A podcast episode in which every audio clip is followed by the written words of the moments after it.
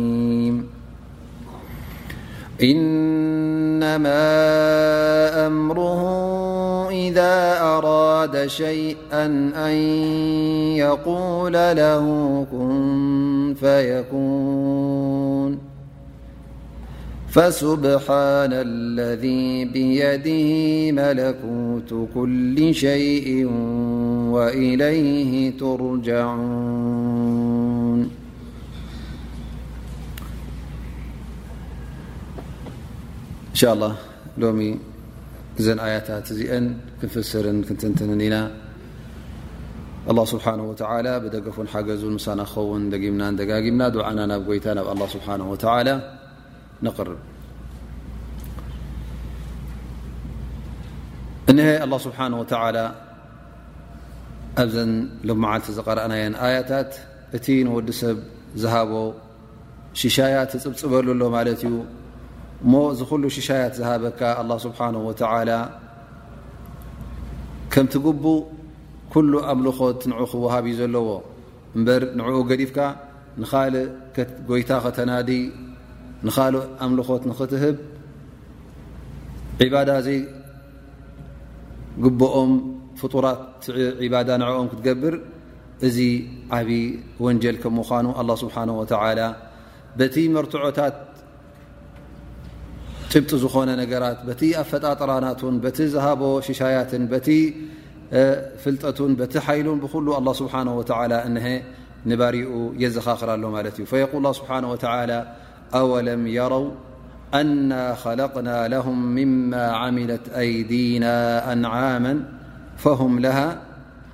ማሊኩን ኣላህ ስብሓን ወተዓላ ካብቲ ዝፈጠሮ ኣብዚ ዓለም እዚ እንስሳ ፈጢሩ ማለት እዩ ፍልይ ዝበላ እንስሳ ድማ ተን ኣንዓም ዝበሃላ ጠለበግዕ ከብቲ ከምኡ ውን ኣግማል እዚ እንታይ ይስመ ማለት እዩ ኣንዓም ይስመ ማለት እዩ ላ ስብሓን ወተዓላ ነዘን እንስሳታት እዚአን ኸሊቑልካ እሞ እንተ ብሓይሊ ክሕሰብ እተ ኮይኑ እዞም እንስሳ ገመል ኮይኑ ላ ውን ላም ኮይና ትብዕራይ ኮይኑ ካባኻ ይብርትዕ ካባኻ ውን ይሕይል ላን ኣ ስብሓ እዚ ፍጡር እዚ ንስኻ ከም እትመልኮ ገይሩካ ከም ድላይካ ትስሕቦ ከም ድላይካ ትጎቶ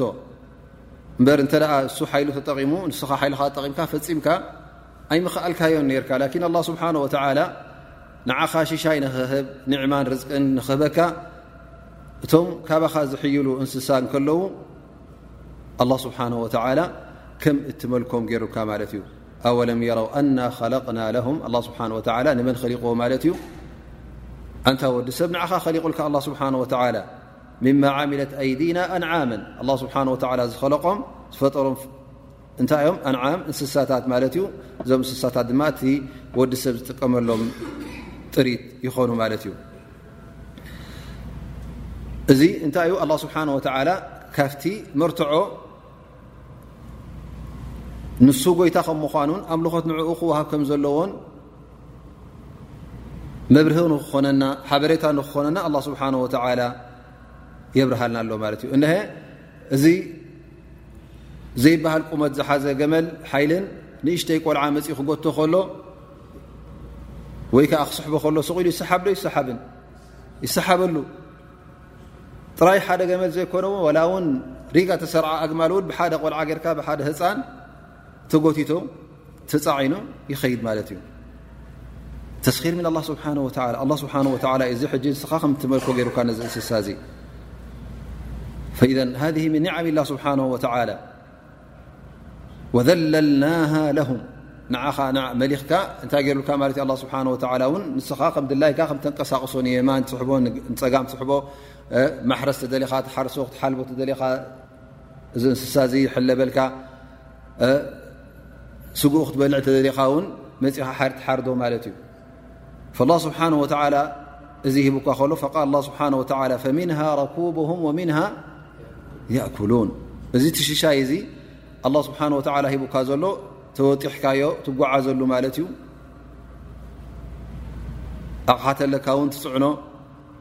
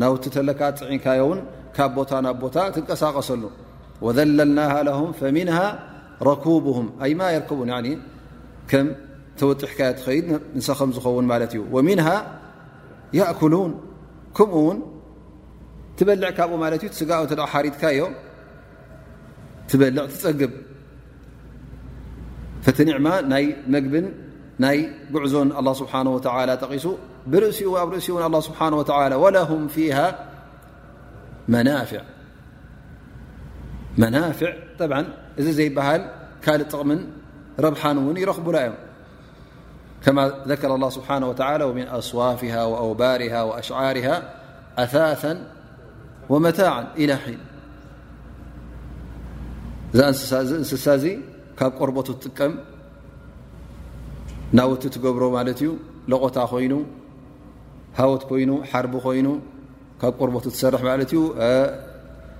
መደቀሲ ኮይኑ ወላ ጃኬት ኮይኑ በዚ ሕጂ እውን ክዳውንቲ እውን ትገብሮ ማለት እዩ ወላ ትቐርኒ ቀደም ማሕጎማ ገብርዎ ነይሮም ማለት እዩ ወይ ከዓ ታቱላ ገይሮም ይነፍሕሉ ነይሮም ማለት እዩ ብዙሕ ጥቕሚ ኣለዎ ማለት ዓፅሙ እተ ደሊኻ ውን ዓፅምትና ን ትጥቀመሉ ትኽእል ኢኻ ስጋናቱ ብ እቲ ንክብላዕ እተ ኮይኑ ይብላዕ ማለት ካልእ ነገር እውን ፀጉሪ ሱፍ እንተ ኮይኑ ናይ በጊዕ ሱፍ ንክዳን ኮይኑ ካልእ ዓይነት ኮቦርታ ኮይኑ ወንጮ ኮይኑ ድላይካ ትገብሮ ማለት ዩ ትክደኖ ወይ ከዓ ንመሬት ተንፅፎ ማለት እዩ ስጋደት እውን ትገብሮ ኢ ካብኡ ከለዉ ትጥቀመሉ ማለት እዩ መደቀሲ ይኸውን ማለት እዩ ፀባ ድማ ትስተ እዩ እቲ መታዕ ዝበሃል ዘሎ ማት ናውቲ ትገብር ማለት እዩ ወላ እቲ ናይ ጠለ በጊዕ ጥራይ ዘይኮነ ናይ ገመል እውን ይጥቀምሉ ነይሮም ማለት እዩ ን ኣስዋፊሃ ወኣውባርሃ ወበር ኢሎም ናይ ምንታይ እዩ ናይ ገመል ፀጉሪ ማለት እዩ ካብኡ እውን እዚ ኼማ ዝስራሕ ናይ እተ ርእና ብኡ እዮም ዝሰርሑዎ ነሮም ማለት እዩ ከምዚ ቴንዳ ገይሮም ብኡ ገዛውቶም እውን ይሰርሑ ነይሮም ማለት እዩ ፈኢዘ ኣታተን ወመታዕን ብዙሕ ነገራት ትጥቀመሉ እዚ ካበይና እዩ ካብቲ እንስሳ መሻርብ መና ኣይ ተሽረብ ምን ኣልባኒሃ ፀባ ትሰቲ ንፈውሲ እውን ምስቲ ፀባ ሽንቲ ናይ ገመል ወሲድካ ተ ሓዊስካዮ ን እውን ከም ፈውሲ ዝጥቀመሉ እውን ይከኣል ማለት እዩ ላ ስብሓን ወተላ እነሀ ካብዘን እንስሳ እዚአን ኣብቲ ኣፍ ደጌኹም ዘለዋ እንስሳ ምሳኹም ዝውዕላ ኣላ ስብሓን ወተላ ነዚ እኳ ኸሊቑልኩም ዘሎ ነዚ ሽሻይ ዝሂቡኩም ከሎ ከመይ ጌርኩም ትርስዕዎ ኣፈላ የሽኩሩን እንታይ ኮይኖም እዮም ንጎይታ ንኣላ ስብሓን ወተላ ዘይመስግኑ ዘለዉ ግዴታ ንጎይታ ንኣላ ስብሓን ወተላ ከመስግኑ እዩ ዝግብኦም ንጎይታ ንሓደ ኣላ ስብሓን ወተላ ጥራይ ከምልኹ እዩ ዝግብኦም ምስጋና ክበሃል ከሎ ሕጂ እቲ ምስጋና ንገዛእ ርእሱ ቀዳማይ ነገር እቲ ምስጋና ከተርኢ እንተ ኮይንካ እዚ ሽሻይ እዚ ርዝቂ ዝሃበካ ጎይታ ከም ምኳኑ ተኣሚንካ እቲ ኣምልኾት መጀመርያ ንመን ክትቦ ኣለካ ንዕኡ ንጎይታ ንኣላ ስብሓን ወተላ ክትህብ ኣለካ ማለት እዩ ነዚ ጎይታ እዚ ድማ በቲ ዝሃብካ ንሽሻይ ተጠቒመ በቲ ዝሃብካ ንንዕማን ርዝቅን ተረዚቀ ይነብር ኣለኹ ኢልካ እውን ኩሉ ግዜ ምስጋና ክተቕርበሉ ይግብኣካ ላኪን ወዲ ሰብ ኣብ ክንዲ ዒብራ ወሲዱ ወይ ከዓ ኣስተምህሮ ወሲዱ ነዚ ነገር እዚ መለበሚ ገይሩ ከም መርትዖ ዝጥቀመሉ ኣበይ ይርከብ ከምቲ ኣላ ስብሓን ወተላ ዝጠቀሶ ንጎይታ ገዲፉ ንካልእ ስእልን ምስልን ገረብን ጎይቶት ኢሉ ንዕኦም ከምልኽ ይርከብ ማለት እዩ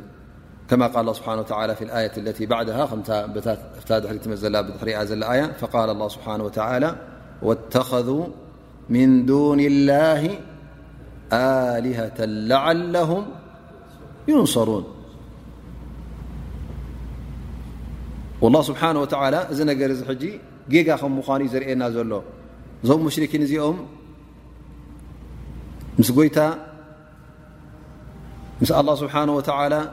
ካልእ ተቋረንቲ ሽርካ ምስ ኣላ ስብሓን ወተላ ገይሮም ከም ጎይቶ ተኣቕሪቦም ኣምልኾት ንዕኦም ይህቡ ወተኸዙ ምን ዱን ላህ ንጎይታ ገዲፎም ወይ ከዓ ምስ ጎይታ ምስ ኣላ ስብሓን ወተላ እሶም ከዓ ከምቲ ናይ ኣላ ስብሓን ወተላ ከምቲ ናይ ብሓቂ ጎይታ ክእለትን ፍልጠትን ዘለዎም ኣይኮኑን ግን እዞም ሙሽሪኪን እዚኦም ንጎይታ ንኣላ ስብሓን ወተላ ነቲ ርዝቂ ዝሃቦምን ሽሻይ ዝሃቦምን ገዲፎም ንመን ከምልኹ ይርከቡ ማለት እዩ ንካልኦት ከምልኹ ላዓላሁም ዩንሰሩን እሶም ድማ እንታይ እዩ ዝመስሎም ንዕኦም እተ ኣምሊኾም ዝዕወቱ ናብ ር ዝበፅሑ ንጀና ዝኣትዉ ይመስሎም ላኪን እዚ ሓሳብ እዚ እዚ ኣረኣእያ እዚ ቕኑዕ ከም ዘይኮነ ኣላ ስብሓን ወተዓላ የብርሃልና ኣሎ ማለት እዩ ወተኸዙ ምን ዱን ላ ኣሊሀተ ላዓለሁም ዩንሱር ምን ዱን ላ ምን ዱን ላ ላስ ኩሉ ኣትዩ ማለት እዩ ብትሕቲኡ ምኽንያቱ ብጀካ ኣላ ስብሓን ወተዓላ ካልእ ዝበፅሐ ደረጃ ዝለዓለ ደረጃ ይብፃሕ ድኣ እምበር ፈፂሙ ከምቲ ናይ ኣላ ስብሓን ወተዓላ ኣምልኾት ክወሃብ ኣይፍቀድን እዩ ወለው ካነ ነብያ ሙርሰለ ወለው ካነ መለከ ሙቀረበ ወላ እቲ ዝለዓለ መላካ እተ ኮይኑ እቶም መላካ እተ ብዛዕባኦም ክንዛረብ ኮይና እቲ ኣላ ስብሓን ወተላ ዝሃቦም ክእለትን ዝሃቦም ፍልጠትን ዝሃቦም ሓይልን እተ ርእና እዚ ዘይበሃል እዮም ተዋሂቦም ዘለዎ ግን መን እዩ ጎይትኦም መን ይሂብዎም ኣላ ስብሓን ወተላ ምስዚ ኩሉ ክእለቶምን ምስዚ ኩሉ ሓይሎምን ግን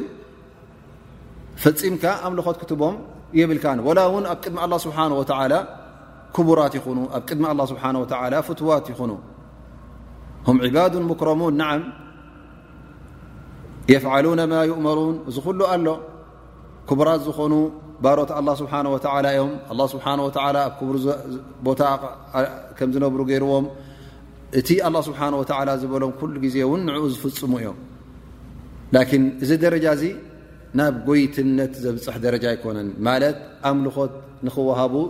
ዘብፅሕ ደረጃ ኣይኮነን ስለዚ ምን ዱን ላ ብጀካ ኣ ስብሓ ወላ ኩሉ ኣብ ትሕቲ ኣላ ስብሓ ወላ ስለ ዝኾነ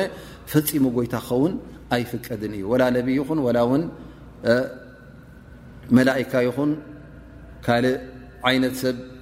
ናይ ወሊ ይኹን ደረጃ ናይ ፍልጠት ናይ ዕልሚ ናይ ሸክነት ናይ ዝኾነ ይኹን ይሃለዎ ዳኣ እምበር ደረጃ ናቱ ካብቲ ናይ ባርያ ደረጃ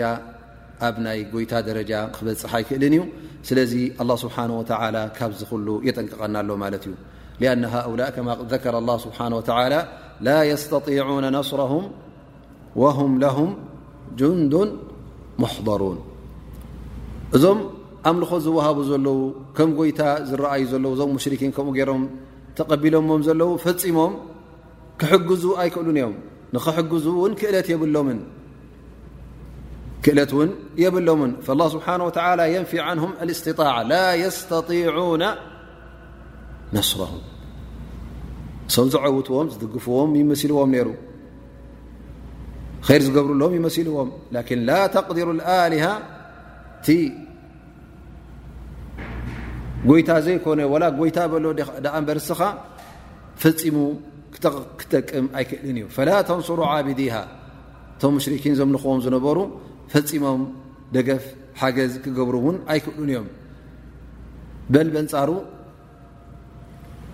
እቶም ዘምልኽዎም ዘለዉ ካብኦም ዝሰንፉ ውን ይኾኑ ካብኦም ን ዝተሓቱ ይኾኑ ቶም ሙሽኪን ዘምልኽዎም ዝነበሩ እንታይ እዮም ሮም ስእልን ምስልን እዮም ሮም ማለት እዩ ካብ ገርብ ተፀረበ ካብ እምኒ ተፀረበ ስእሊ ምስሊ ገይሮም ንዕኡ የምልኹ ነሮም ማለት እዩ እሞ እዚ እምኒ እዚ ገረብ እዚ ዕንፀይትስ ከመይ ገይሩ ክጠቕሞም እዩ ዝጠቅም ኣይኮነን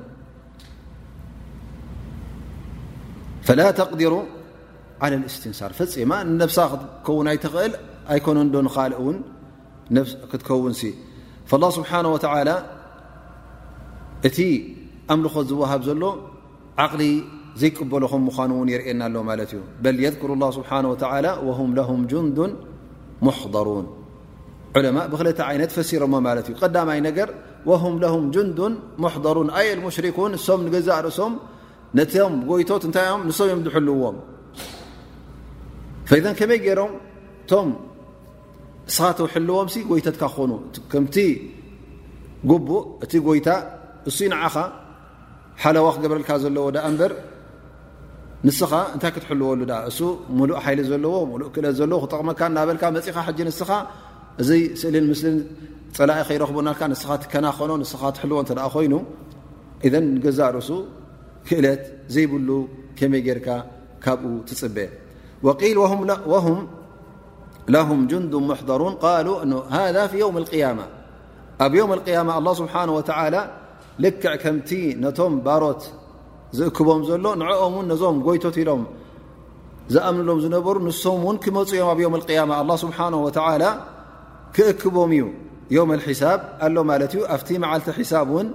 ክርእዎም እዮም እዚኦም እዮም ቶም ጎይቶ ትብሎም ዝነበርኩም እስኪ እንተ ክእለት ኣለዎም ኮይኑ እነሀ እስኪ ሕጂ ይጥቀሙኹም እዚኣ እታ መዓልቲ ንኩሉ ሰብ ንኩሉ ፍጡር እተስግእ እተፍርህ መዓልቲ እዚኣ መዓልቲ እያ እዛ መዓልቲ ቅያማ ኢሉ ኣላ ስብሓን ወተላ እቲ ጓህን እቲ ሕስረትን እቲ ውርደትን ኣብ ዝባኖም ምእንቲ ክዓልብ ኣላ ስብሓን ወላ ኣብ ዮም ቅያማ ንዕኦምን ነቶም ሽርካ ዝገብርዎም ዝነበሩን ንኩሎም ኣኪቡ ኣላ ስብሓን ወተላ ኣብዚ መዓልቲ እዚ እቲ ዝግባእ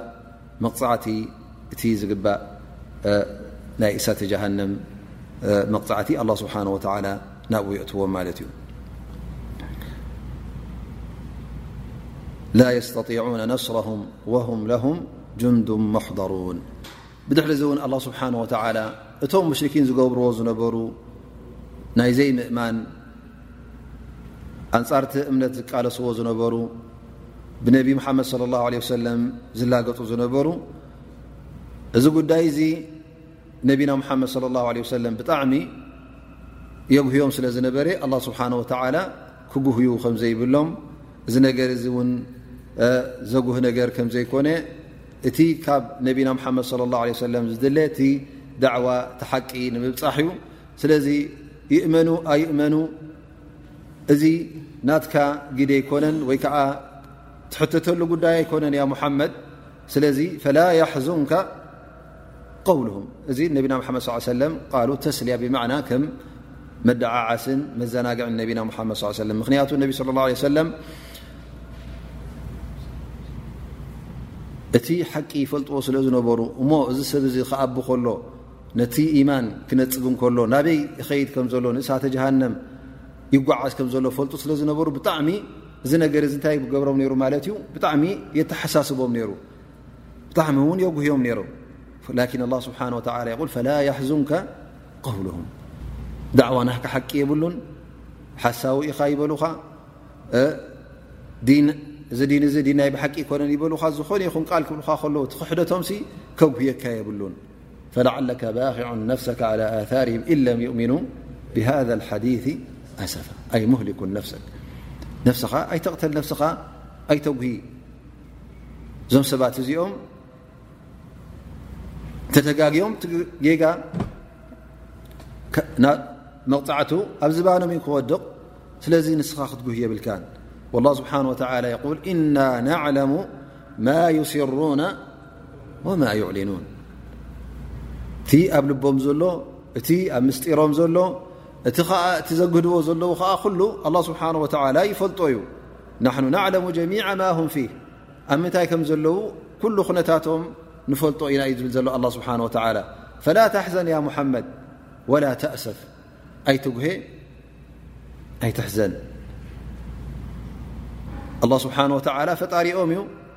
እዞም ሰባት እዚኦም ከ እንታይ ይገብሩ ኣለዉ እንታይ ይፍፅሙ ኣለዉ ኣላ ስብሓን ወተላ ይፈልጦ እዩ እቲ ዝኣመነ እቲ ኣብ ልቡ ር ዘሎ ንር ዝሓሰበ ኣላ ስብሓን ወተላ መን ከም ምዃኑ ይፈልጦ እዩ ናብ ር እውን ክመርሖ እዩ እቲ ዝኣብ ዘሎ ከዓ እቲ ዝካታዕ ዘሎ እቲ ምቕባል ዝኣበየ ነቲ ሽርክ ጥራይ ዝደሊ ዘሎ ከዓ ኣላ ስብሓን ወተላ ኩሉ ይፈልጦ እዩ ዓብ ነገር ይኹን ንእሽተ ይኹን ካብ ኣላ ስብሓን ወተላ ዝሕባእ የለን ፈላ የሕዙንካ قውሉهም እና ናዕለሙ ማ ይስሩና ወማ ይዕሊኑን ንሕና ውን በቲ ዝገብርዎ ዘለዉ ፅባሕ ንግሆ ክንቀፅዖም ኢና ኣ ኩሉ ነገራቶም ንፈልጦ ኣለና ስለዚ ከተሓሳስበካ የብሉን ያ ሙሓመድ ኢሉ ኣላ ስብሓን ወተላ ንነቢና ሙሓመድ صለ ላه ለ ሰለም የዘናግዖም ማለት እዩ ከም እንደገና ኣላ ስብሓን ወተላ ኣብቲ ጉዳይ ናይ ዮውም ኣልቅያማ መዓልቲ ቅያማ መዓልቲ ትንሳኣ ከም ዘሎ እዚ ጉዳይ እዚ እውን ኣብ ግዜ ነቢና ሙሓመድ ለ ላه ሰለ ይኹን ኩሉ እዋናት ካብቲ ደቂ ሰብ ድነፅግዎ ማለት እዩ ኣኼራ የለን መዓልቲ ምፅት ዝበሃል የለን እንታይ ደኣ ወዲ ሰብ እታ ዕድሚ ምስ እከለ ክመውት እዩ ምስ ሞተ ከዓ ድሕሪ ሞት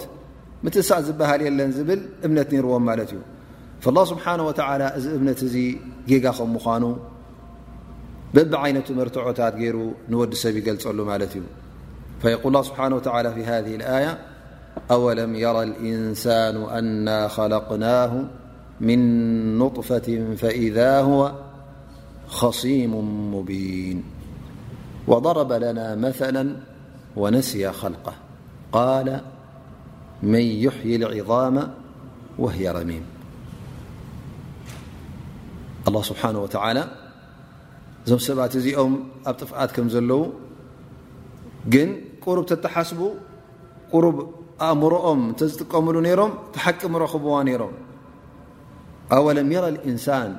ዝወዲሰብ ዝኾነ ወዲሰብ ማለት ዩ እንሳን ኩሉ እንሳን ዝኾነ ይኹን ወዲሰብሲ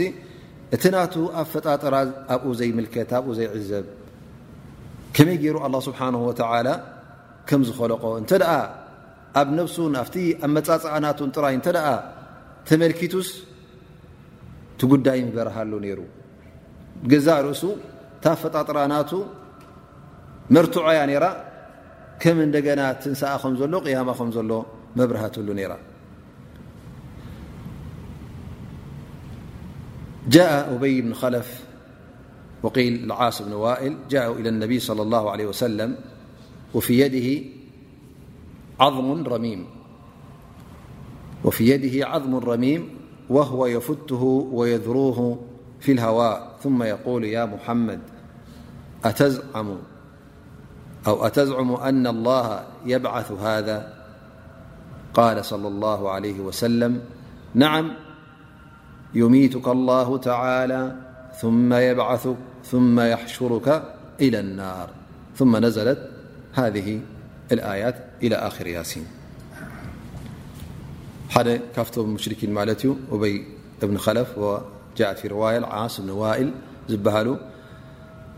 እንታይ ገይሩ ማለት እዩ ዓፅሚ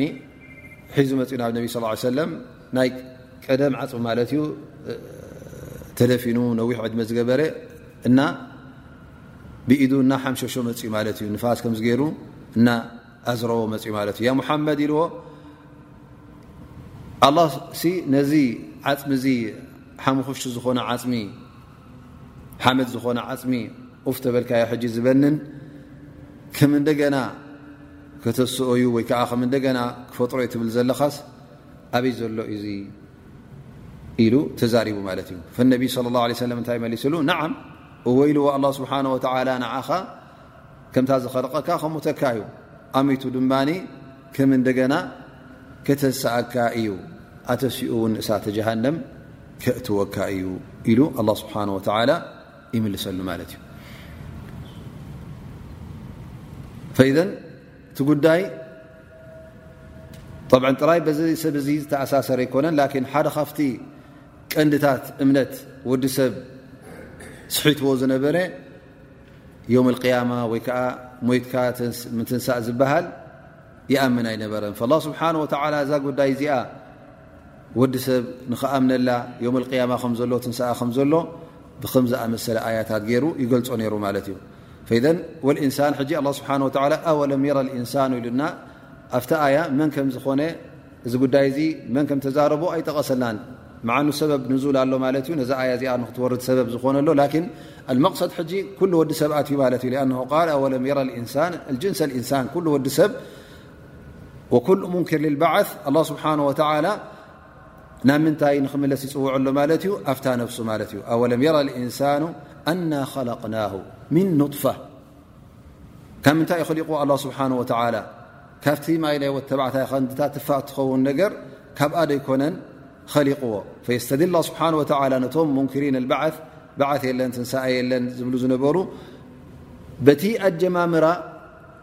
ናቱ የዘኻኽሮ ኣሎ ማለት እዩ ከመይ ጌርካ ኢኻ እስኻ ካብ ባዶ ዶ ይኮንካን ጀሚርካ ኣላ ስብሓን ወተላ ክኸልቀካ ከሎ ካብ ባዶ ይኮንን ክኸሊቑካ ፈብትዳእ ኣልኸልቅ መጀመርያ እቲ ኣፈጣጥራ ናይ ወዲ ሰብ ንገዛእ ርእሱ ባዕሉ መርትዑ ኮነካ ማለት እዩ ከም እንደገና ኣላ ስብሓን ወተላ ከምቲ ካብ ባዶ ዝኸለቐካ እንደገና እውን ሕጂ ተኸሊቕካ ነርካ ከም እንደገና ክመልሰካ ከም ዝኽእል ማለት እዩ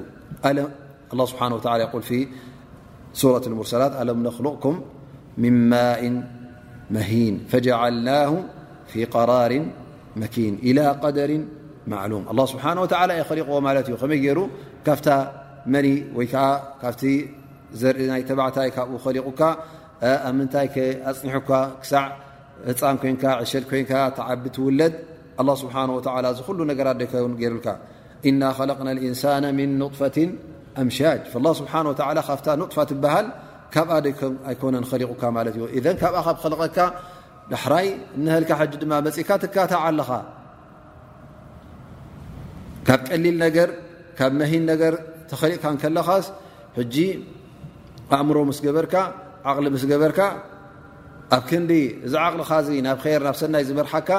ኣብ ምንታይ ክትካታዕ ጀሚርካ ማለት እዩ ዮም ቅያማ ዝበሃል የለን እዚ ኣእምሮ ዘይቅበሎ እዩ ዓቕሊ ዘይቅበሎ እዩ እናበልካ ነቲ ሓቂ ትነፅግ እዚ ነገር እዚ ጌጋ ከም ምዃኑ ኣላ ስብሓን ወተላ ይነግረና ወረዋ ልእማሙ ኣሕመድ ፊ ሙስነድሂ ዓን ብሽሪ ብኒ ጀሓሽ ቃል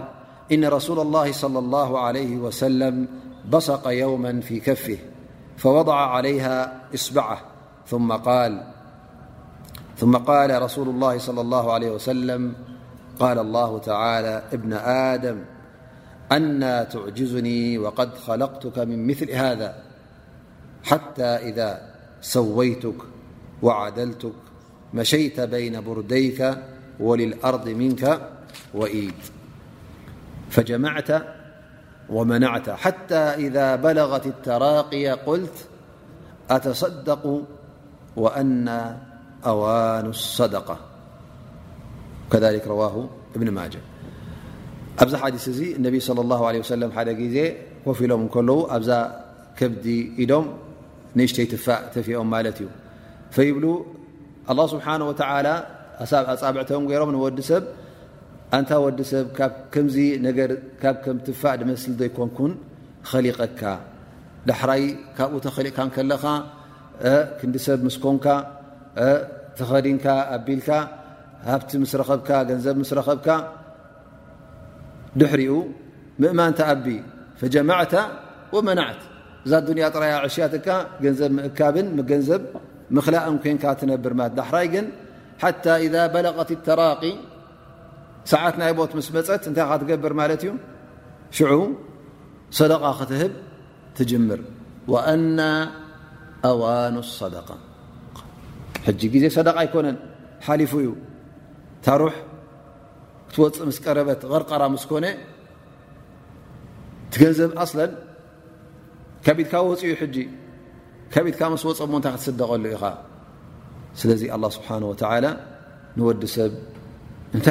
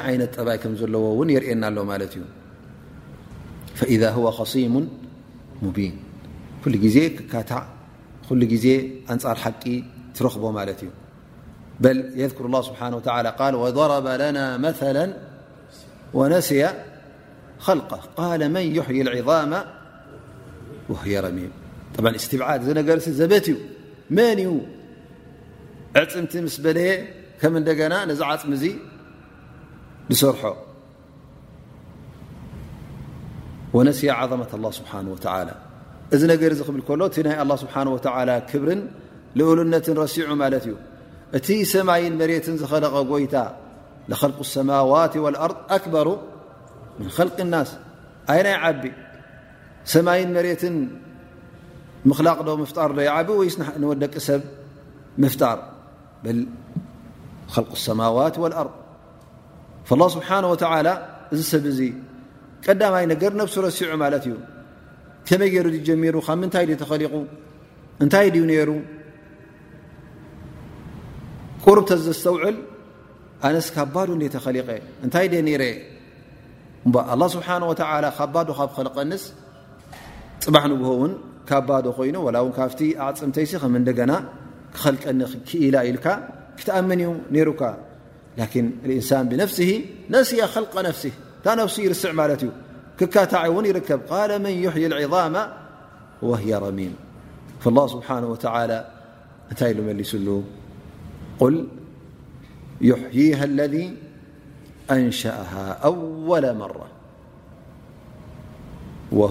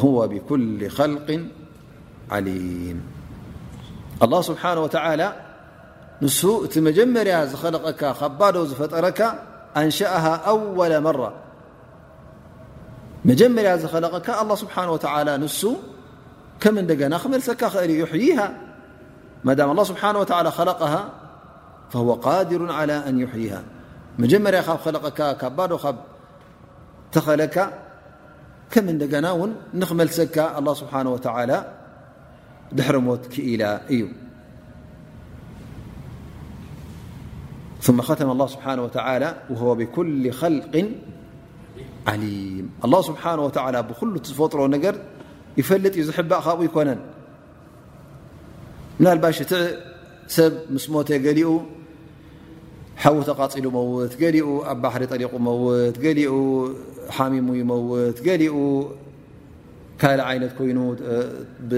ብተኽሲ ብምፍጃር ኮይኑ ብነታጉ ነገር ተበታቲኑ ይመውት እቲ መዋውታ ሕጂ ብዙሕ ዓይነት እዩ እሞ ኣላ ስብሓን ወተላ ስካበይ ከምፅኦም ዩ ከመይ ገይሩ ክእክቦም ኢልካ እውን ክትሓስብ የብልካ ኣን ኣላ ስብሓን ወተላ እዛ ኣያ እዚኣ ወህወ ብኩል ኸልቅ ዓሊም ኣበይ ከም ዝኸዘ ኣበላ እዛ ነፍሲ እዚኣ ከኣኻክባ እተ ደልዩ ኣላ ስብሓን ወተላ ካብኡ ትሕባእ ኣይኮነትን ወላ እውን ፋሕብትን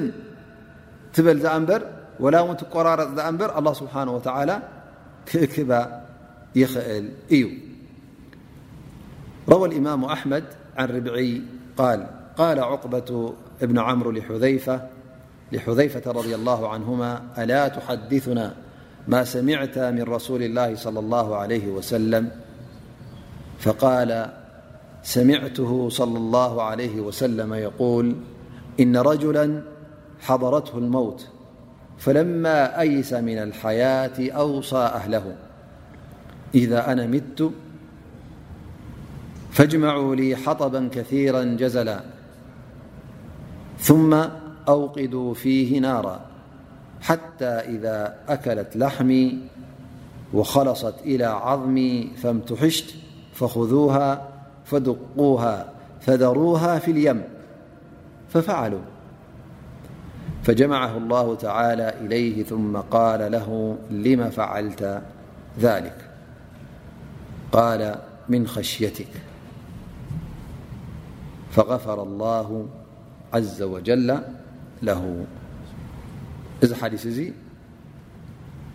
ይብል ሑዘይፋ ሓደ ግዜ ነቢ صለ ላه ለ ሰለም ከምዚ ኢሎምና ሓደ ሰብኣይ ካብቶም ቅድሜና ዝነበሩ ናይ ታሪክ ማለት እዩ እነቢ ስ ሰለም ብዛዕባኡ ይጠቕሰሎም ማለት እዩ ሞት ምስ መፀቶ ከላስ ንሞት ብዓይኑ ምስ ረኣያ ነቶም ስድራ ቤቱ ለበዋ ይላበዎም ማለት እዩ ይብሎም ምስ ሞትኩ እተ ኣይነሞይተ እዚ ዘይበሃል እንጨይቲ ኣኪብኩም ቃልቃል ኣቢልኩም ኣብኡ ደኣ ኣንብሩኒ ኢኹም ኣይትቕበሩኒ ይብሎም ማለት እዩ እንታይ ደኣ ኣቃፅሉኒ ስጋይ ዘሎ ዓፅመይ ዘሎ ኩሉ ምስ ተቓፀለ ሓሙኽሽቲ ምስ ኮነ እንተ ደኣ ተረፍ ኣሎ ካብቲ ዓፅሚ እውን እንታይ ግበርዎ ይብሎም ማለት እዩ ብቆጥዎ ቆጥዎ ይብሎም ማለት እዩ ወቂትኩም ሽዑኡ ኣብ ባሕሪ ፈያብሉኒ ኣብኡ ኣፍስሱኒ ይብሎም ማለት እዩ እሶም ከዓ ምስ ሞተ ከምታ ንሱ ዝበሎም ኣንፅኦም ምስ ሞተ ኣብ እሳት የቃፅልዎ ማለት እዩ ኣብዚ ግዜና እውን ኣለዉ ከምኡ ትገብሩ ህንዶስ ኣለዉ ምናልባሽ እዚ ታሪክ ዝፀኒሕዎም ኸውን ሕጂ ሓቂ መሲልዎም ብኡ ከዱ ኣለዉ ማለት ክኾኑ ክእሉ እዮም ኣምፅኦም ከምኡ ገብርዎ ማለት እዩ ላ ስብሓን ወተላ ነዚ ሰብ እዚ ከምዝገበረ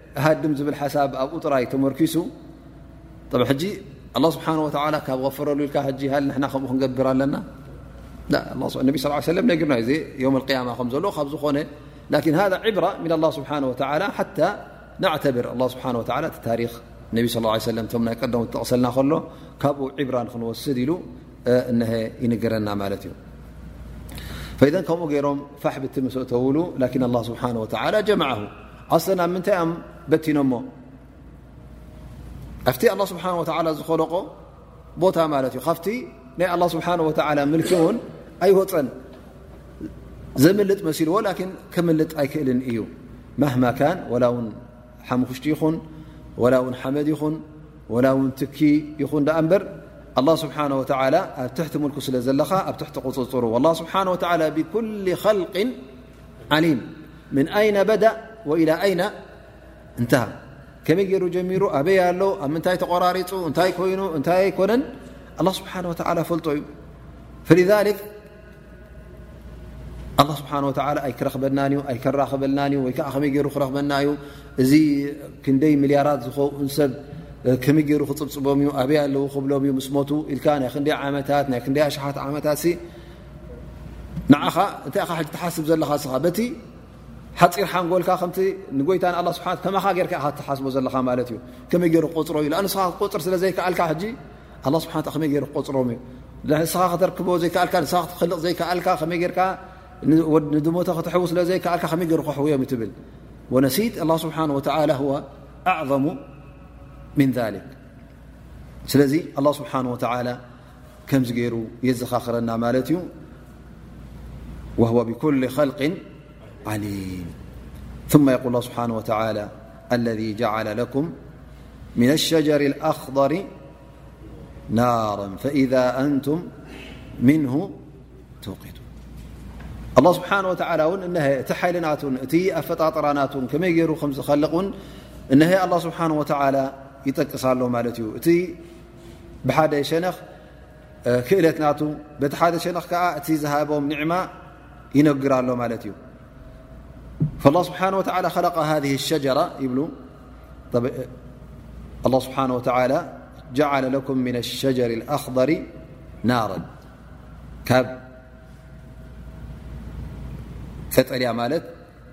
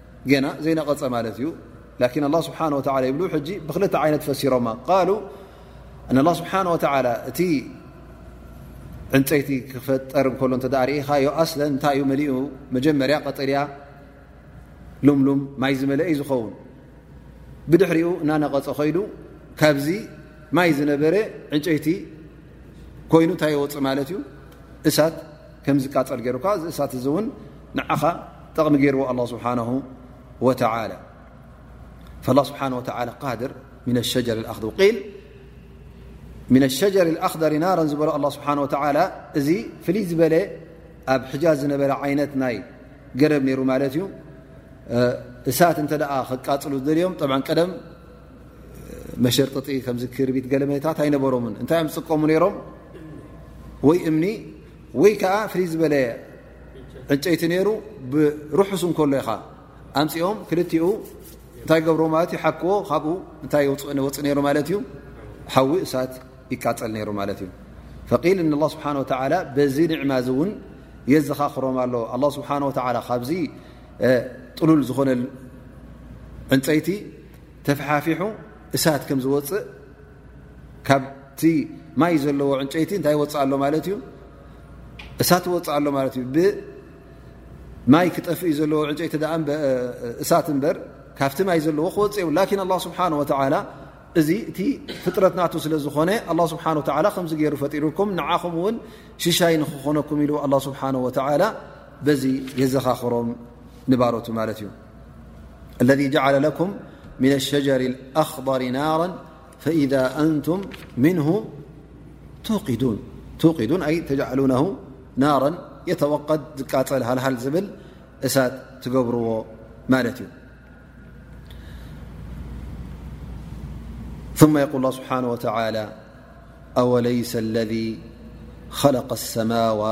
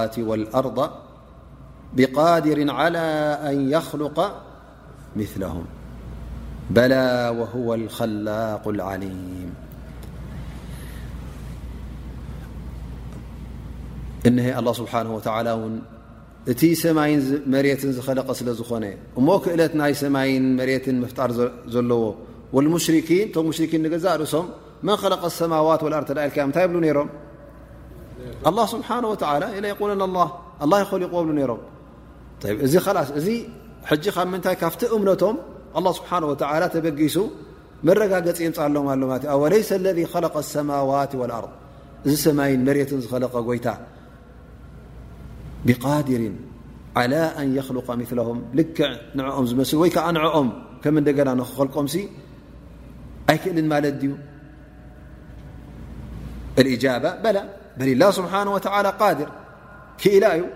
ፈዘን እንታይ እዩ ዝብሎም ዘሎ ማለት እዩ ከም መርትዖ ክኾነኩም እውን ናይ ሰማይን መሬትን ኣፈጣጠራ መን ከም ዝፈጠሮ ዘይትርእዩ ኣላ ስብሓን ወተላ ዘይኮነን ፈጢርዎ ከምቲ ኣላ ስብሓን ወላ ዝበሎ ዝጠቐስናዮ እውን ንኸልቁ ሰማዋት ወኣርድ ኣክበሩ ምን ኸልቂ ናስ ላ ስብሓን ወተላ እዘ ወ ቃዲር ክኢላ እዩ ማለት እዩ ሰማይን መሬትን ዝኸለቀ ጎይታ ስለ ዝኾነ ካብቲ ወዲ ሰብ ዝዓቢ ነገራት ካብኡ ዝሕይል ነገራት ዝኸለቀ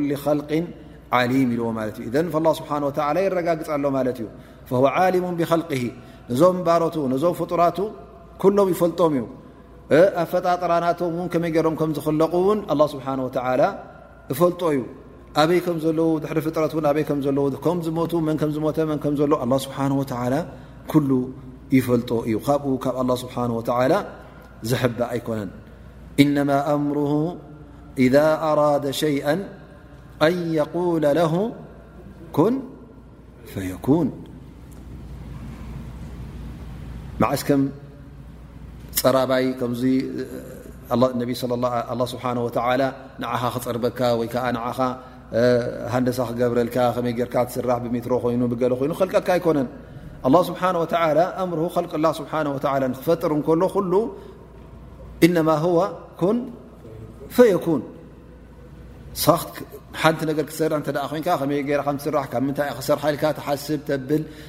ድሕሪኡ መዐቀነ የድልየካ ከመይ ገራ ከምትመስል ገለ እዚ ኩሉ ስራሕ ናይ ወዲ ሰብ ዩ ዳኣ እምበር ናይ ጎይታ ናይ ኣላ ስብሓን ወተላ ኣፈጣጥራ ክፈጥር እተ ኮይኑ እቲ ጉዳይ ናቱ ቀሊል እዩ ኣላ ስብሓን ወተላ ኩን ክብሎ ከሎ ክኸውን እዩ روى الإمام أحمد عن أبي ذر -رضي الله عنه- قال إن رسول الله صلى الله عليه وسلم-قال إن الله تعالى يقول يا عبادي كلكم مذنب إلا من عافيت فاستغفروني أغفر لكم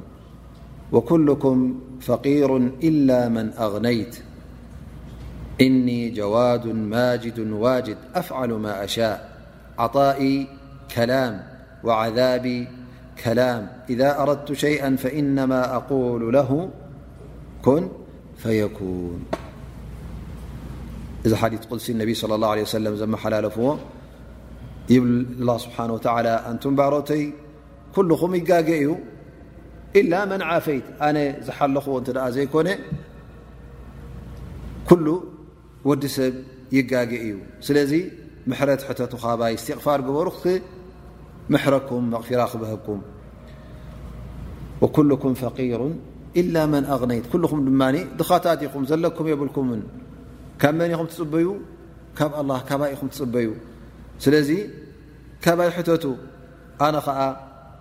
ወሃቢ እየ ኣነ ኸኣ ለጋስ እየ ኣነ ኸኣ ህሉው እየ ዘለኒ ሙሉእ እየ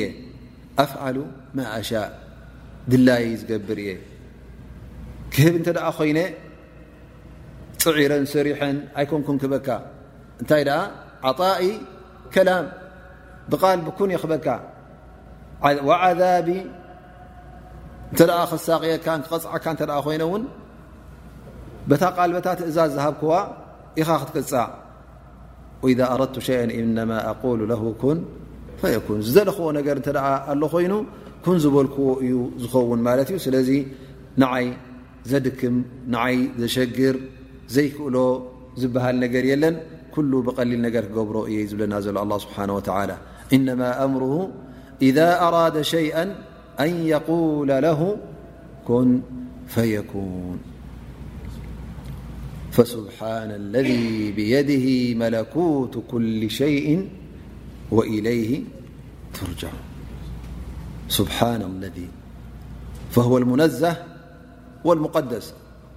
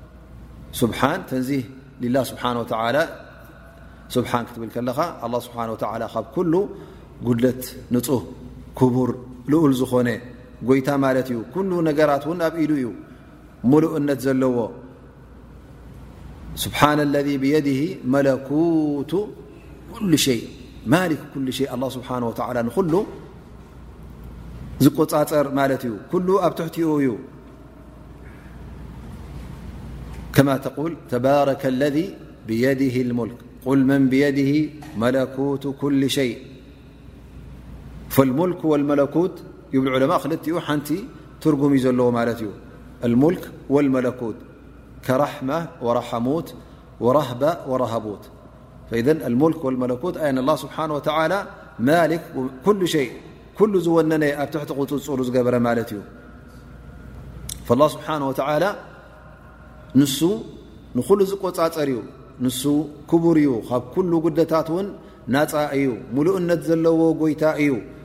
ኣምልኾትኩም ንዕኡ ይኹን ስብሓና ለذ ብየድ መለኩት ኩ ሸይ ፈዋ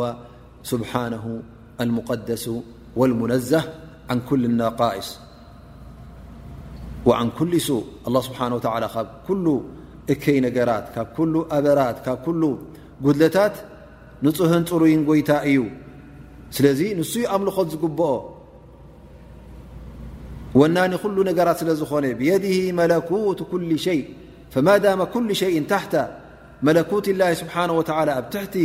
ቁፅፅር ኣላ ስብሓ ወ ኩሉ ነገራት ካብ ኮነ እዘን ተኣምልኾትካ ንምን ክኸውን ኣለዎ ንዕኡ ነዚ ጎይታ ዚ ክኸውን ኣለዎ ማለት እዩ እዘ እዛ ሱራ እዚኣ እሀ ከምቲ ኣብ መጀመርያ ክንኣቱ ከለና ዝበልናያ እዛ ሱራ እዚኣ ካብተን ኣብ መካ ዝወረደት ሱራ ስለ ዝኾነት ትቐንዲ ጉዳያት ዝሓዘቶ ብዛዕባ ናይ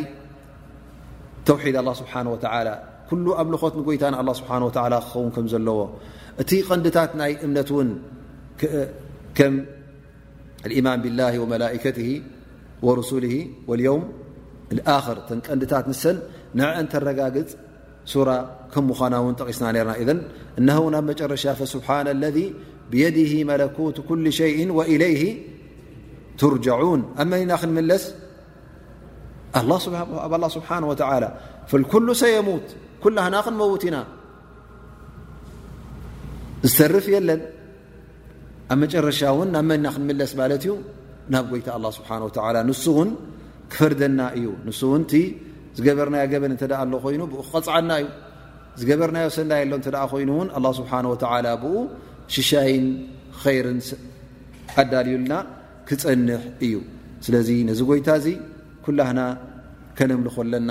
ዝኣዘዘና ውን ክንፍጽም ኣለና ካብቲ ንሱ ዝበለና ውን ፈልከትልና ክንወፅእ የብልናን ኩሉ ብጀካ ኣላ ስብሓን ወተላ ኣምልኾት ዝግብኦ የለን እቲ ሓደ እንኮ ኣምልኾት ክወሃብ ዝግባእ ኣላ ስብሓን ወተላ ፈጣሪ ዓለምን ፈጣሪና ንዓናን ሰማይን መሬትን ዝኸለቀ ንሱ ጥራይ እዩ ካልእ ፍጡር እተ ኣላ ስብሓ ወተላ ፍልይ ዝበለ ክብረት ዝሃቦ እተ ኮይኑ ከተኽብሮ ትናቱ ክብረት ክትሕልወሉ ፅቡቕ እዩ እቶም መላካ ኣ ስብሓ ወላ ምሩፃት ገይርዎም እቶም ኣንብያ እቶም ልኡኻን እቶም ርሱል ላ ስብሓ ወላ ምሩፃት ገይርዎም ነዞም ፍጡራት እዚኦም ትፈትዎም ተኽብሮም ሳልሕ ዝኾነ ውን ዝያዳ ሰላሕ ዘለዎ